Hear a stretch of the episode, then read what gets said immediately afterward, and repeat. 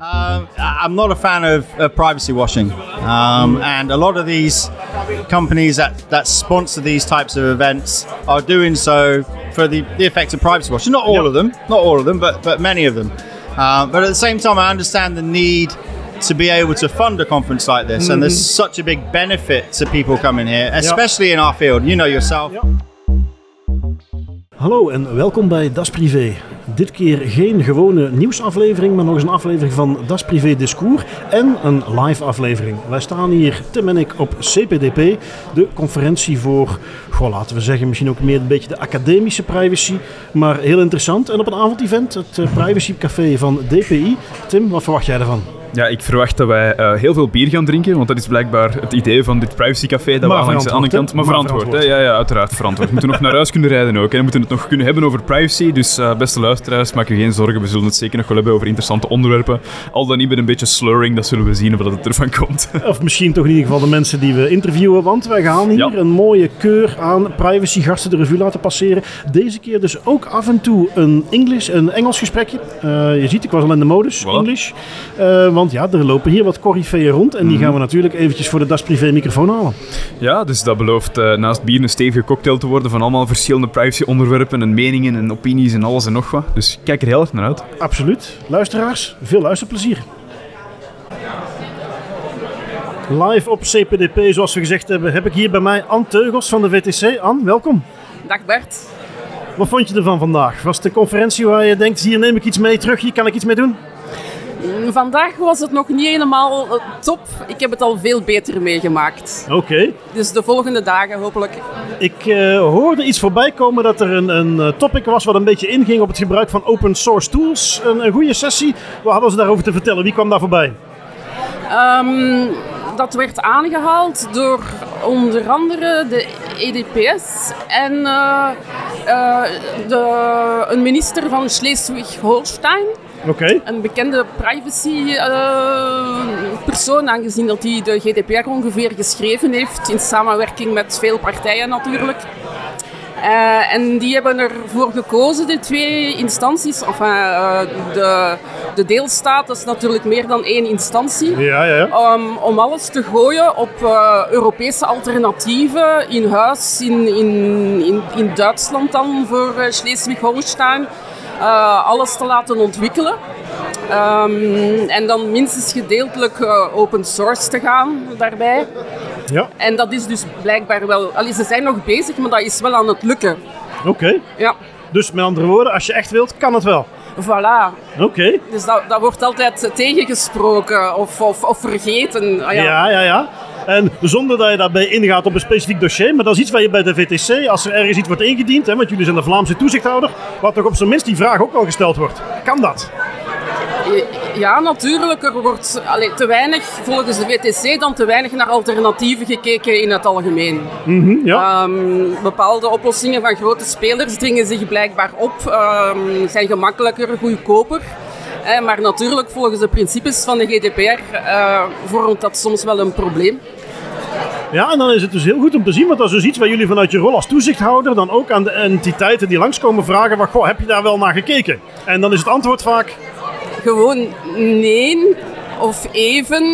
Ehm, ja, natuurlijk bij ons is het... allee, wij zijn bekend voor de, onze cloud-adviezen in- Ja, ja, ja. intussen. hè, ehm, en ja, wat we merken is dus ja, open source oplossingen, die zijn aanwezig bij de Vlaamse overheid, maar die worden centraal niet echt ge- gepromoot blijkbaar.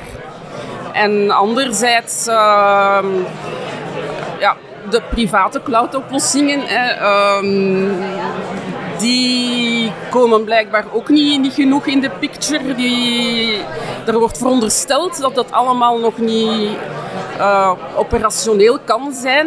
niet dezelfde kwaliteit biedt als de grote, dat het te duur is, maar een beetje mythes toch eigenlijk, hè? Een beetje wat? Een beetje mythes. Ja, blijkbaar. Want allee, hier hoort je toch eh, dat er lijsten bestaan van oplossingen. Eh, ik denk dat dat privé ook wel zo Ja, ja, ja. op- oplossingen aanbiedt. Ja, ja en, en dat vonden we dus hier leuk om te horen. En dat heb jij nu in die sessie ook bevestigd gehoord. Er zijn dus, ik bedoel, een Duitse deelstaat. Dat is niet de kleinste. Het kan dus. Ja, en ik herinner mij van vorig jaar de... Uh, volgens mij, de, de, het was zeker Frankrijk en volgens mij was het de Franse politie Uh-huh. die uh, op eigenlijk een, een redelijk korte tijd de, de omschakeling heeft gemaakt van alles open source dan te doen. Ja, ja, ja, mooi, mooi. En wat ik dan heel leuk vind om te zien is dat ook een autoriteit, de Vlaamse autoriteit, daar dus op toezit, dat organisaties daar op zijn minst naar kijken. Dankjewel om dat kort toe te lichten. Graag gedaan. Goedenavond. Dag Dirk, heb ik hier bij mij. Dirk Cornet van DHL. Introduceer je eventjes heel kort, wat doe jij? Dag Bart. Uh, dag Bart. Um, wel, ik ben Dirk Cornet, inderdaad, Global DPO bij uh, DHL Express. Uh, wij zijn actief in 220 landen wereldwijd. En vanuit die rol kom je, word je geconfronteerd met een 140-tal privacy-wetgevingen wereldwijd. die vaak een copy-paste zijn van elkaar. En, en dan is het makkelijk. Uh, maar soms kom je heel creatieve wetgevers tegen uh, die voor zekere uitdagingen zorgen, inderdaad. Oké, okay. en uh, als Global DPO word jij geacht om al die privacywetgeving te kennen? Dat is onmogelijk. Absoluut. dat is, is, gewoon onmogelijk. we, we, hebben daar natuurlijk een, een volledig team voor. Uh, met lokale DPO's, mm -hmm. uh, die dat uh, samen met legal lokaal geacht zijn om, om de lokale wetgeving te kennen en, en dat samen te kunnen bekijken met telecomwetgeving en, en ja. um, arbeidsrecht en, en andere zaken, om zo tot een oplossing te komen voor globale applicaties. Okay. Uh, en te zien dat die uh, wereldwijd uh, compliant zijn met die wetgeving. Dat lijkt me een interessante uitdaging. Um, als je ietsje dichter bij de microfoon kunt, ja, perfect, vanwege het achtergrondlawaai. iets waar jij dan uniek geplaatst bent om vaak tegenaan te lopen, is het internationale karakter. Is er iets, bijvoorbeeld het one-stop-shop mechanisme, wat is jouw ervaring daarmee in die internationale context? Wel, het grote voordeel binnen Europa is dat we met één wetgeving zitten. Mm -hmm. Als je naar Azië gaat bijvoorbeeld, dan heeft elk land bijna zijn eigen wetgeving. Ja. Uh, maar zelfs dan in een regio waar dat je nog steeds met één wetgeving zit, uh, merk je toch wel een aantal hiaten uh, of, of, verbeteringsmogelijkheden. men heeft de Binding Corporate Rules binnen de GDPR. Uh, men heeft tevens de one-stop shop uh, om eigenlijk een complaint uh, te filen. Mm -hmm. wat een, een aanvulling zou kunnen zijn, ja. is de one-stop shop voor data breach notifications. Oké. Okay. Want dat is er nu niet. Hè? Nu hoor je dat bij iedere autoriteit apart te gaan melden. Misschien hè, voor de luisteraars, het one-stop-shop mechanisme is een mechanisme wat ervoor zorgt dat als je binnen Europa actief bent, dat je idealiter maar bij één autoriteit moet zijn met je vragen. Dat is dan de Lead Supervisory Authority. Maar dus voor data breaches bestaat dat niet. Uh, klopt. Uh, dat bestaat niet en dat betekent eigenlijk dat elke datacontroller voor zich in elk land eigenlijk een, uh, moet gaan notifiëren naar de autoriteiten als, als je in die situatie zit. En dus dat betekent voor jullie als er een data breach is met een internationale context, dan moet je die ook effectief bij alle autoriteiten gaan aanmelden? Dat zijn we op dit moment aan het doen, ja. Oké. Okay. Goed, nou ja, dan uh, nemen we als takeaway van dit gesprekje mee dat dat een mogelijk verbeterpunt is van het one-stop-shop mechanisme. Datzelfde toepassen voor data breach notifications. Dankjewel Dirk. Alsjeblieft. Succes toch. Dag Joris, leuk om jou hier ook aan te treffen. Introduceer jezelf eens even heel kort voor de Das Privé luisteraars. Wat doe jij? Goedendag, ik ben Joris Pasgang. Ik werk bij de Algemene Directie Identiteit en Burgerzaken. Vroeger instellingen en bevolking bij Binnenlandse Zaken, meer bekend als het Rijksregister. Um, ik ben daar adjunct van de DPO en ik ben daar eveneens jurist bij de dienst Bevolking en Identiteitskaarting. Oké, Rijksregister, toch niet de minste organisatie wat betreft persoonsgegevens. Als jij zo een beetje de dagelijkse praktijk ziet, wat is de meest gemaakte fout in het gebruik van het Rijksregisternummer? De meest gebruikte fout in het kader van het Rijksregisternummer is het onnodig gebruik van het Rijksregisternummer. Dat is uh, wel duidelijk. Uh, zo merken we bijvoorbeeld recent een toestroom in uh, vragen van burgers die zich vaststellen dat, kijk, we kunnen een online formulier niet invullen omdat we ons Rijksregisternummer vragen. Maar er zit blijkbaar een controle op geboortedatum in. en niet iedereen heeft zijn geboortedatum in het Rijksregisternummer staan. Dat is een KB van 84 dat eigenlijk bepaalt hoe het Rijksregisternummer samengesteld is. en in bepaalde gevallen is het dus zo dat daar geen geboortedatum in terug te vinden is. En dat is wat we veel tegenkomen bij allerlei instanties, gaande van banken tot uh, privé. Ja, dat zijn wij natuurlijk eh, gewend, maar inderdaad, als je vanuit het buitenland komt, kan het zijn dat je geen geboortedatum met het Rijksregisternummer hebt. Ehm, voor de duidelijkheid, dat betekent dus ook, als je dat wel eens hebt gezien bij een mediamarkt of op andere plekken waar men jou vraagt om het Rijksregisternummer, in bijna geen geval mogen ze dat vragen, hè? Nee, dat is correct. In principe om het Rijksregisternummer effectief verplicht te mogen verwerken, eh, dus om de burger te verplichten om het Rijksregisternummer te gaan eh, doorgeven, heeft men een machtiging nodig van de minister van Binnenlandse Zaken. Wanneer men die machtiging niet heeft, dan is men eigenlijk per se een overtreding van eh, de wet van 8 augustus 1983 op het Rijksregister. En in theorie ook strafbaar met correctionele Oké, straffen. kijk eens aan. Ja.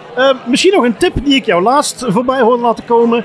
Als men, want het Rijksregisternummer mag je niet zomaar verwerken, maar je kunt wel kijken of iemands identiteitskaart bijvoorbeeld geldig is. Je had daar een toeltje voor? Wat was dat ook alweer? Ja, inderdaad. We hebben een applicatie beschikbaar. eh, dat noemt eigenlijk CheckDoc.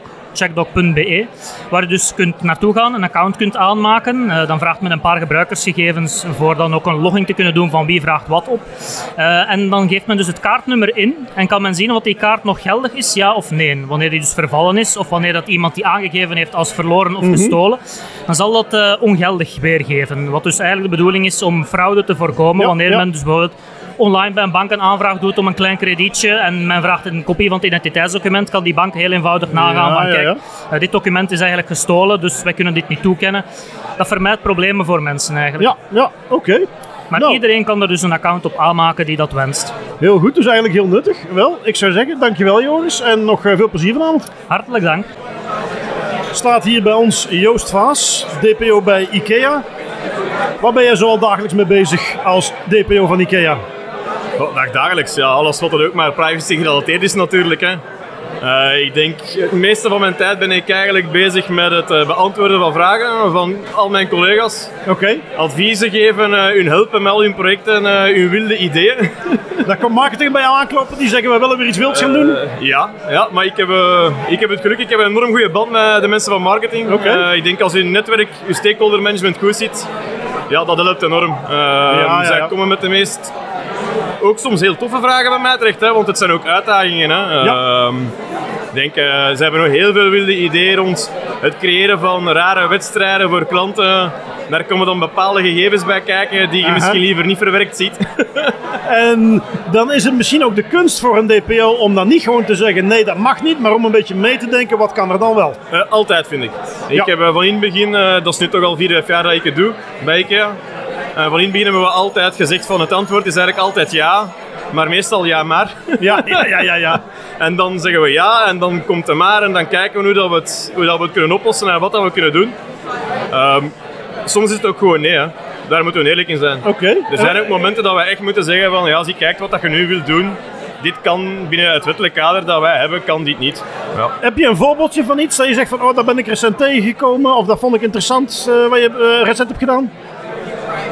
Wel, een van de laatste zaken die ze eigenlijk hebben gedaan, het is iets heel klein. Hè. Eh, het is eigenlijk de winkel van Gent, die komt dan met het idee, we gaan eh, een wedstrijd organiseren voor studenten, ontwerp je kot. Eh, maar ja, daar komt dan eigenlijk de verwerking van toch wel wat meer persoonsgegevens bij kijken dan je denkt. Er worden foto's verwerkt, videomateriaal. Juist. Ja, en, en dan moet je adviezen geven en toch proberen ergens ermee rekening te houden dat je niet wilt dat er zomaar heel veel personen op die foto's staan of in die video's. En hoe ga je daarop reageren als dat wel zo is? Men- mensen delen heel rap, zeker in het geval van wedstrijden, ze delen heel rap heel veel. Ja, en het is aan jou als organisatie om daar van tevoren over na te denken wat je daar wel en niet mee mag doen. Hè? Ja. Ja. Eh, ja, dat doet mij plots denken aan het feit dat wij regelmatig gebruik maken van free tekstvelden. Je kunt feedback geven bij ons op, via allerlei kanalen. Dat is heel tof dat je feedback kan geven als klant. Maar klanten typen ook gewoon zomaar. Ja, ja, ja. En, en dan staat er informatie in die, die je eigenlijk niet wil zien of die je niet wil verwerken. Nee, nee, precies. En goed, dan is het dus de kunst om als DPO ook mee te denken over wat er wel kan en niet alleen maar over wat er niet kan. Joost, dankjewel. Graag gedaan. So here we have one of our English interviews, one of the participants of CPDP. Shortly introduce yourself. Who are you? Hello, good evening. My name is Katharina. Um, I work for a German research institute, specifically the one for public administration. Yeah, that's Okay. very important. Um, we do very important research. And, And what do I'm- you research? Oh, public administration specifically, actually. Okay, so what, to make them work more efficiently, or what's the relation with privacy? No, actually, our research team doesn't have to do so much with public administration. Okay. We research dark patterns Oh, that's interesting. on the internet. Yeah, exactly. And so that's, of course, directly relevant for privacy. And uh, so, were there any good sessions about dark patterns uh, on CPDP so far? Oh, yes, there has been a good session on dark patterns and manipulative design. Okay. But I was not there. My colleagues went there. Uh-huh. So that's only secondhand information because I went to the sessions about the AI Act. Oh, okay. So, anything new, interesting that came out of that session? Oh, definitely many things, many things. So, for example, the risk categories in the AI Act, they ask for more flexibility. Uh-huh. Um, the AI Act asks for more concrete implementation of labor rights, privacy rights. Yeah, it's, it's just the beginning. And one sentence that I liked is that a law ha- does not have to be perfect in order to get passed. Sure. No. So that gave me hope, actually. and that means that they'll keep tweaking it, you think? Yeah, definitely. They still have a bit of time. I think by the beginning of next year they will Okay. pass. And uh, so, what else do you hope to get out of the conference in the next two days? what do I hope to get out of the conference? Um, maybe something not related to AI because today was really an AI Very intensive AI, eh? day. Yeah, yeah, yeah, yeah. I would like to hear a bit more about law enforcement, maybe. I mean, there are many good ideas in theory, but how do you actually put it into practice? Sure. I'd be curious about that. Maybe also something philosophical would be nice, you know. Okay. Well, I hope that works out. Thanks for having uh, taking out some short time to talk to us. Oh, of course, thank you. So here with me, Alexander Hanf. For people known in privacy land, I'm sure you've heard of him. In case somebody hasn't heard of you, just give a short introduction. Who are you? Uh, I'm Alexander Hamp, aka that privacy guy. I've been working in privacy and data protection now for about 15 years. Uh, heavily involved in the development of EU law, particularly around the e-privacy directive and the upcoming regulation, which I helped to draft. And famous for bankrupting a billion-dollar ad tech company as my first privacy campaign. That's uh, something nice to be able to claim. That's great. uh, we just talked earlier, and you mentioned something about uh, LinkedIn, something that happened to you. What what happened with LinkedIn? I was erased. I was airbrushed out of history, But not banned. because you asked for it, right? No, no. So I sent LinkedIn a, a data subject access request about a week and a half ago, t- 10 days ago, somewhere around there. Um, they responded a week later without responding. They basically didn't answer any of the questions that I posed to them. So I said to them, okay, I'll give you another try. You can have another 30 days. And if you don't do it right this time, I'm going to file a legal claim against you. And then all of a sudden, I was shadow banned. For anybody who doesn't understand what shadow banning is, it means when you go onto the platform, everything seems normal. You Uh-huh. can you can type posts, you can respond to comments and articles, etc., etc. But nobody can see any of it. Nobody else. So they can't find you. They can't find any of your content. Uh, they can't send you any private messages. And if you try and send any private messages to any of them, they get a warning saying that you could be sending them harmful content. Yeah, that's what I noticed as well when I tried to find you. You were effectively gone from the platform as far, as far as I'm concerned. Now, I think they may have done it to the wrong guy this time. What are the follow up actions from your side? So my lawyer is currently addressing the situation. We're looking at defamation claim as well as a claim under Article 5.1 of the e-privacy directive, which was a really silly move by LinkedIn considering my entire career has been built on the e-privacy directive. They should have known. yeah, it really wasn't very sensible of them. Um, but yeah, basically the, the interception or the interference with the private communications uh, falls under confidentiality communications under the e-privacy Yep. directive. Uh, since 2018, when the European uh, Electronic Communications Code came into effect, these services are now considered over-the-top services Yep. and are under the jurisdiction of, of the directive. So what they did was effectively unlawful. They intercepted and interfered with my private communications with other parties, uh, and they did so in a very defamatory way. Well, I'll definitely be following up on that. Let's see what comes out of that one. Uh, what do you think of CPDP so far? It's without question my favorite conference, uh, privacy conference. I've been coming here since 2008. I think I've only missed one, which was last year when Uh-huh. it was uh, when it was online. Yep. Um, I was actually here 2020 and got COVID. Yeah, yeah, yeah, yeah. We're still. Uh, right at the beginning of the, of the pandemic. Yep, yep. It's a tremendous conference. I I think the reason why I love this conference so much is because of the the broad range of people who come here. It's not like an IAPP conference or, Mm-hmm. I was just going to ask you, how does it compare to IAPP? A bit of a commercial fest for the multinationals. Yeah, I mean, IAPP is a backpatting exercise, if we're going to be honest. You know, you don't really learn anything. The the panels are just regurgitated stuff over Yeah, a three month yeah, yeah. cycle. Um, so anybody who works in the space really knows everything that's going to be discussed at IAPP anyway. Just- CPDP, on the other hand, is it's a very mixed batch of people. It's traditionally an academic conference, Yep. um, but has evolved over the years to include corporate, in European institutions, NGOs and civil society, artists, academics, hackers, etc. So it's a very, very broad range of people, and it's generally, you know, when you go to IAPP, you're going to a conference which is professional conference. It's about people who work in the privacy and data protection Sure. field. Normally lawyers, a huge number of lawyers. You come to the CPDP conference, and it's you know, many of those people will be lawyers or people who work professionally in privacy as well, but they're people who are passionate about Yep. the subject. So they come here because they want to engage with other like-minded people. It's a great networking opportunity. The the panels are always interesting, usually fairly new. The material that's being presented. I mean, it's handled like an academic conference. Yeah, you would yeah. expect it to be handled, right? There's perhaps one tiny point of criticism, at least that's what I think. It's if you look at the platinum sponsors, there's Meta, there's Google, there's Microsoft. Uh, how do you feel about that? Well, I mean, at least there's no Palantir or Booz Allen Hamilton this year, which That's you know true. it's been there in the past. um, I'm not a fan of, of privacy washing, um, Mm. and a lot of these companies that that sponsor these types of events are doing so for the, the effect of privacy washing. Not all Yep. of them, not all of them, but but many of them. Um, but at the same time, I understand the need to be able to fund a conference like this, and there's Mm-hmm. such a big benefit to people coming here, especially in our field. You know yourself, Yep. as a consultant, it's a very lonely job, right? You, you don't get to interact with a lot of people. You certainly don't get to spend a lot of time with like-minded people. No. Um, so Especially the past two years, yeah, right? so for me, the benefits of being able to, you know, meet with my colleagues and friends and peers who I've known for many, many, many years, and, and really catch up on the issues that they're dealing with, etc. That benefit to me outweighs, you know, the negative side of the sponsorship. It's a necessary evil. It would be great if conferences like this could be funded by some other means, but sadly that isn't the case. So yeah, it's not ideal, but at the same, it's a net positive. it's yeah, it's a net positive, definitely. Yeah. Okay. Well, thanks for your time and uh, enjoy the rest of the conference. You're very welcome, and I'll be happy to talk to you again. Thanks very much, Bart. Hi. With me right now, Carrie. Carrie, introduce yourself shortly. Who are you? What do you do? Sure. Hi, my name is Carrie Letting, and I am a consultant with Castlebridge. We do all sorts of stuff, but mostly uh, data governance. We do data consultancy and strategy, and we're also external DPOs, and we're Okay. based out of Ireland, Dublin, Ireland. Okay, excellent.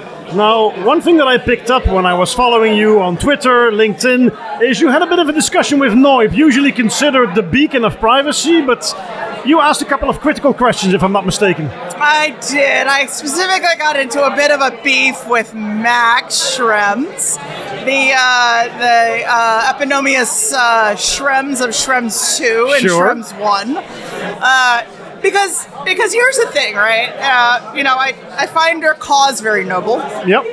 but their results were a bit catastrophic as far as data transfers were concerned. And so I basically said, I think after maybe uh, a couple of beers one night, that um, I really wanted to understand what they were doing to do it right, like Just- what their what their tech stack was. Confront them with the practice of Shrems 2 for themselves. Yeah, because you know this is just after the 101 complaints situation and everything else, and I was like, great, that's fine, but how the how the hell are we supposed to deal with this?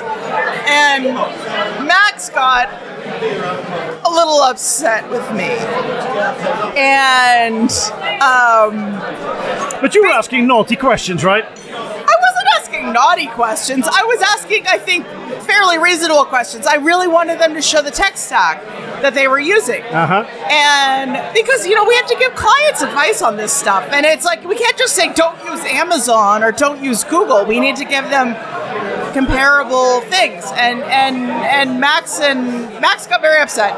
And he basically said, well, that's not my responsibility. I don't need to tell you guys, you know, we shouldn't have to tell people how to do this. They need to figure it out on their own. And I'm like, you guys fucked this shit up for everybody.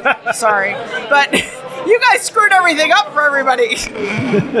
Sorry. Pat Walsh is, No, that's okay. is And- giving me dirty looks in the And, background. and, and did you ever get any decent answer on the questions you asked? No, not really. But but it was kind of an amusing aside that apparently cooler heads at Noib prevailed. I have I have asshole friends. Uh, cooler heads at Noid prevailed and and basically got Max to toner his rhetoric down a little bit. Okay. I have had since very very good conversations with other folks at Noib. So it, it, it does seem like there are people at the organization that are very committed to solving the problem. Um, and and I appreciate that. And I am working with them. I'm trying, I should say, I'm trying to work with them now to actually get to a good resolution for all my clients. Perhaps it's not unrealistic or it's imaginable that at some point after being chased down by multi-million dollar companies, he just reacted a bit touchy to the wrong person. I don't know. It's Max. You know, Max is a special character all on his own. Yeah, okay. Yeah. Well, maybe uh, make the peace with him at this conference if you haven't already. I did say hi, Yeah, and he looked go. at me and he went, "Who are you?" And so that was amusing. but whatever, it's all Okay, good. well, enjoy the rest of the conference and Thank thanks you. for taking the time out to speak to us. Thank you. Great. Bye bye. Eens kijken wat er van komt. Hè. Dus eh, ja, ik zit hier op het Privacy Café met Philip Kolle. Philip, hallo. Goedenavond. Goedenavond. Het was al een plezante babbel. We hebben eigenlijk al, wat is dat nu, bijna drie kwartier, toch bijna een uurtje staan babbelen over van alles en nog wat.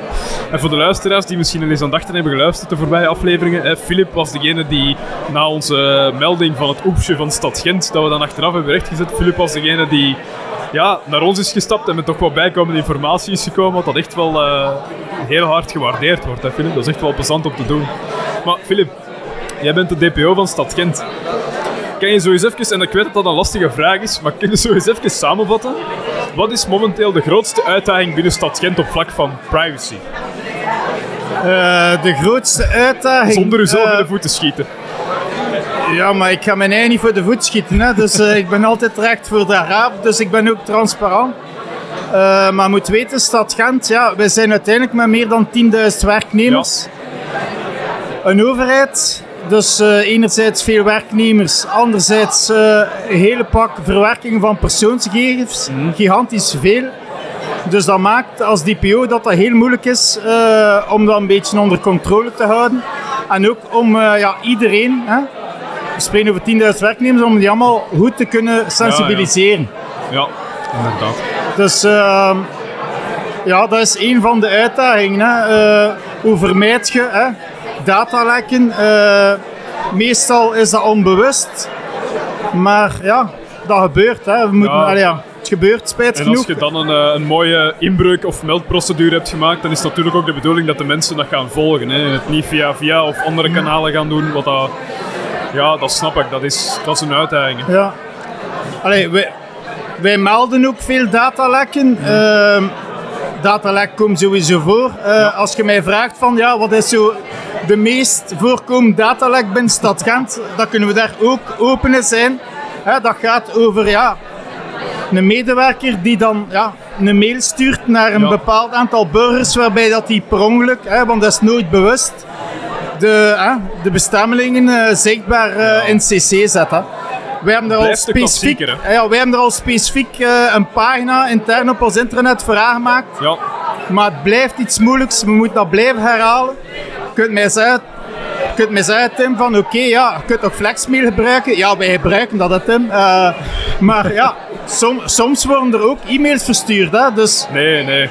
en het is een foutensgrap gebeurd. Dus dat is iets dat wij niet alle weken, maar dan toch af en toe tegenkomen. En ik zie dat niet graag gebeuren, maar ja, het gebeurt toch. Hè. Ja, ja dat, is, dat is eigen aan elke organisatie. En zeker een organisatie zo groot als Stad Gent, die met zoveel verschillende facetten te maken heeft en met zoveel persoonsgegevens. En uiteindelijk, ik ben ook altijd van mening, een datalek... Ja, een datalek dat kan gebeuren. En dat gaat altijd gebeuren. Er, ik- er is geen enkele organisatie die nooit met een datalek te maken heeft. Als ze dat beweren, dan zijn ze aan het liegen. Want er is altijd wel ergens iets dat fout kan gaan. Of iets dat verkeerd ingesteld is. Of een medewerker dat de verkeerde informatie opent. Maar ik vind dat een heel goed punt dat je daar aanhaalt. Het belangrijkste is dat je daar gewoon zo transparant mogelijk over bent. Hè? En dat je dat zo, zo open mogelijk over toegeeft. Want het enige wat je dan kunt doen, is je kunt eruit leren. Ja, dat- inderdaad, dat vind ik ook belangrijk. Hè? Want Ja. uiteindelijk het is altijd, ja, de mens, de medewerker, is altijd de zwakste schakel in het verhaal. Ja, En ik vind, als er fouten gebeuren, moet je dat kunnen toegeven en moet je daar ook transparant over kunnen, kunnen communiceren en moeten ook inderdaad. niet proberen dat te verdoezelen, want uiteindelijk gaat dat nadelig effect hebben. Hè. Nee, Vandaar precies. dat dat mijn insteek is om zo transparant mogelijk te zijn en alles te communiceren zoals dat gebeurd is. Hè. Nu, Filip, ik heb nog een laatste vraag voor u, gewoon puur uit interesse, omdat, omdat ik vraag dat wel vaak aan de DPO's, maar eh, wat is zo... Heb, je zo in je achterhoofd een, een top of mind, een frappante case of iets waar je van zegt van dat is een rare vraag of een gekke vraag die ik ooit eens heb gekregen? Iets dat je nu dan denkt van ja, dat is wel iets speciaals of dat is wel iets grappigs dat ik ooit heb meegemaakt. Want ja, als, Ehm. als DPO, wij krijgen af en toe wel eens bizarre vragen. Hè? Ja, ik moet nu even nadenken. Eh, ik krijg al heel veel vragen van burgers rechtstreeks aan DPO gericht. Eh, dit jaar hebben we al meer dan, denk ik, 33 vragen binnengekregen. Ja. Ehm, ik vind het moeilijk om een voorbeeld te geven. Ja, Ehm, het feit dat je komt zo niet direct in mij iets op, maar ehm, hey, de, als het gaat over de, ja, de meest uitdagende vragen, dan zijn dat eh, de vragen die mij gesteld worden eh, per brief, handgeschreven en persoonlijk worden afgegeven op het stadhuis. Dat zijn voor mij de meest uitdagende Hey, maar dat is wel... vragen. Hè? Dat, dat komt dan van een betrokkenen, hè? Ja, Dat klopt. zijn, dat zijn toch wel betrokkenen die echt dedicated zijn en die wel met een prangende vraag zitten. Hè? Want dat heb ik zelf toen niet gekregen. Maar na- ja, inderdaad. Eh, maar wij krijgen ook vragen van medewerkers intern zelf hè, over Ja. een eh, verwerking van persoonsgegevens en terecht. Hè. Ehm, Ja, ja en, alle vragen ook. proberen wij zo goed mogelijk te beantwoorden. Hè. Dat is ook dat is teken dat er iets goed gebeurt. Hè? Dat je meteen kan zeggen van wij krijgen van medewerkers zelfs vragen intern. Want dat is teken dat ze dan toch langzaamaan bezig zijn met die wetgeving en met privacy. Hè?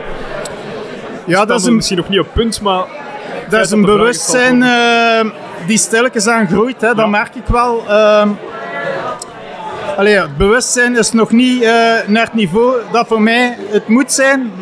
Maar het groeit, dus dat is het ja, belangrijkste. dat, is, dat is stukje bij beetje. Ehm, en ja, ik denk dat jij ook weet dat eh, de maturiteit, hè, als we vergelijken met Nederland, dat we daar toch nog een paar jaar van afstaan. ja, Maar dat dat toch een doel is waar dat ik naartoe, pers persoonlijk als DPO naartoe wil werken. Om datzelfde niveau te halen als eh, in Nederland, hè, als we naar daar kijken. dat vind ik een heel mooie manier om dit gesprek af te sluiten, Filip. Ik zou je vast nog willen bedanken voor uw tijd en om even met mij hierover te babbelen. Geen probleem, en eh, ik zal me nog een biertje gaan halen. Ik vind dat een goed idee. Tot de volgende. Hè. ja, dat hè. Right, so we're recording right now. Anything you say in between, we can cut it out as well, so it's fine. So if you need to ask a question, no problem now. So, but I'm here right now at the Privacy Cafe with a rather interesting guest, I would say, with Valerie from the CCB. Now, some listeners perhaps they will already be familiar with the CCB, but uh, Valerie, I would like you to just in, in a short summary describe what is the CCB and what does it do. So the CCB is the Center for Cybersecurity Belgium. It's a federal administration under the Prime Minister uh, supervision. It's uh, the coordination authority in Belgium for cybersecurity. Uh, also the uh, EU representative uh, for Belgium within the cooperation group, uh, CSET network, and we also do the international relation uh, linked with cybersecurity uh, for Belgium. Okay, so you, you cooperate a lot with EU, with other uh, centers for cybersecurity in the European Union. Yeah, indeed. That's what we do on that's- daily daily basis. That's interesting because it's a it's a pretty well-known organization with people in the cybersecurity field and in the privacy field as well. Of course, we also know them quite well. Um, but for the average listener that doesn't have a security background or doesn't have a privacy background, what would you say are some significant projects or significant achievements that the CCB has done in the past years? So just to mention, uh, each year there is the cybersecurity month in Okay. October. So we do a national campaign Okay. uh, to sensibilize the people Yeah. around cybersecurity. For example, uh, we did a campaign on trying to use multi-factor uh, authentication. Uh, if you go on the website safeonweb.be, uh, .be, you will find the different uh, campaign materials.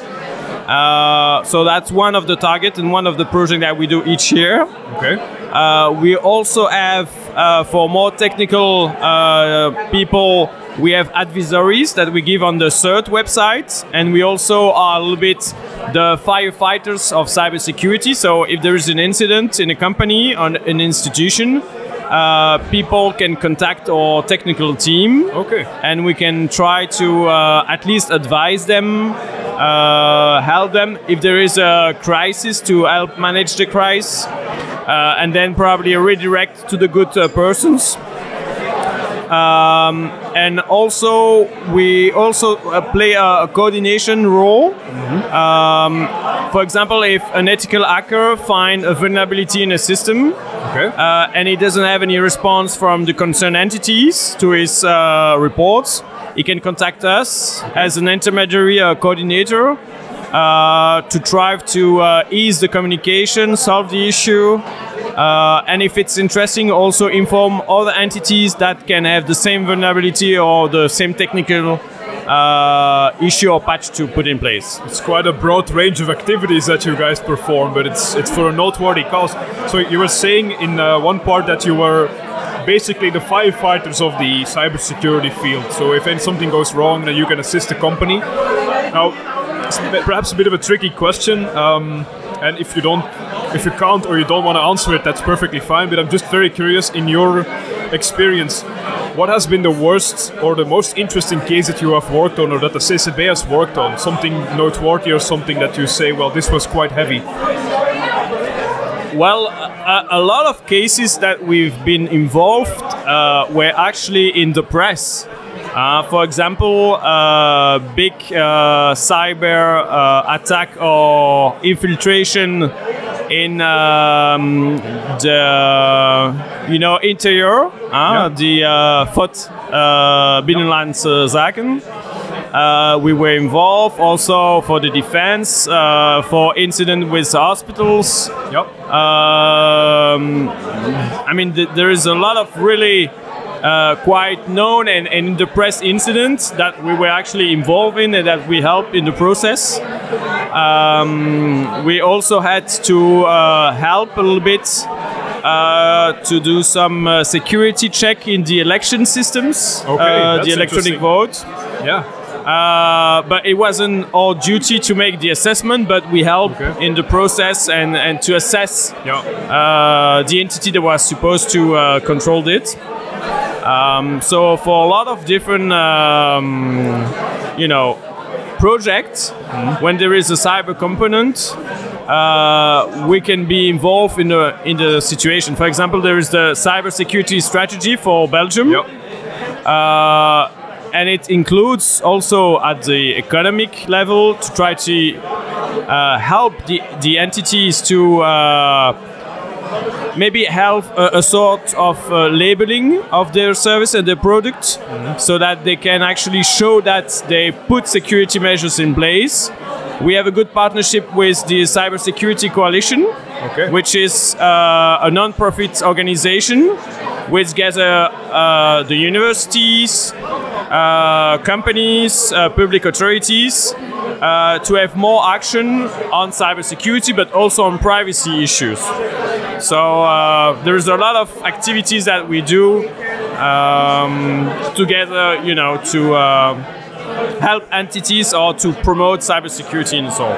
Yeah, it's it's actually quite uh, quite awesome to have you at the table because I've been for quite a long time a big fan of the CCB and the work it does. I mean, I think it's a very noteworthy cause that deserves a lot more attention than it currently gets from the general public. Now, from personal experience, if you had to need, if you had to make one choice, one advice, what would it be for the listeners? it's I would- difficult because there's a lot of options. Yeah, th- there is a lot of option indeed, and and one would not fit all. Yeah, no. Uh, Layered security is always the best security. But probably if you think the same way you would think in the real life online, then probably you would think twice before clicking on a link, or you will think twice uh, regarding uh, or secure uh, you you use your appliance or um, the way you actually organize your own uh, equipment, you do backups and so on. So really, if, if you think like the same thing that in real life you would do, then I think you you can think by yourself already change your behavior. I think that's a very, very good piece of advice because that's often quite a difficult challenge for a lot of people that aren't interested or don't have anything to do with the security field or the privacy field. That the digital space and everything surrounding that is quite abstract. You don't always understand what you're clicking on or what you're giving as input or what you're providing from your information. And the consequences can be quite abstract because it's digital and it's less tangible than for let's say physical. So I think that's that's quite interesting advice. All right, Valerie, thank you very much for this interview, and uh, yeah, we'll talk to each other a little bit more at this privacy cafe. You're welcome.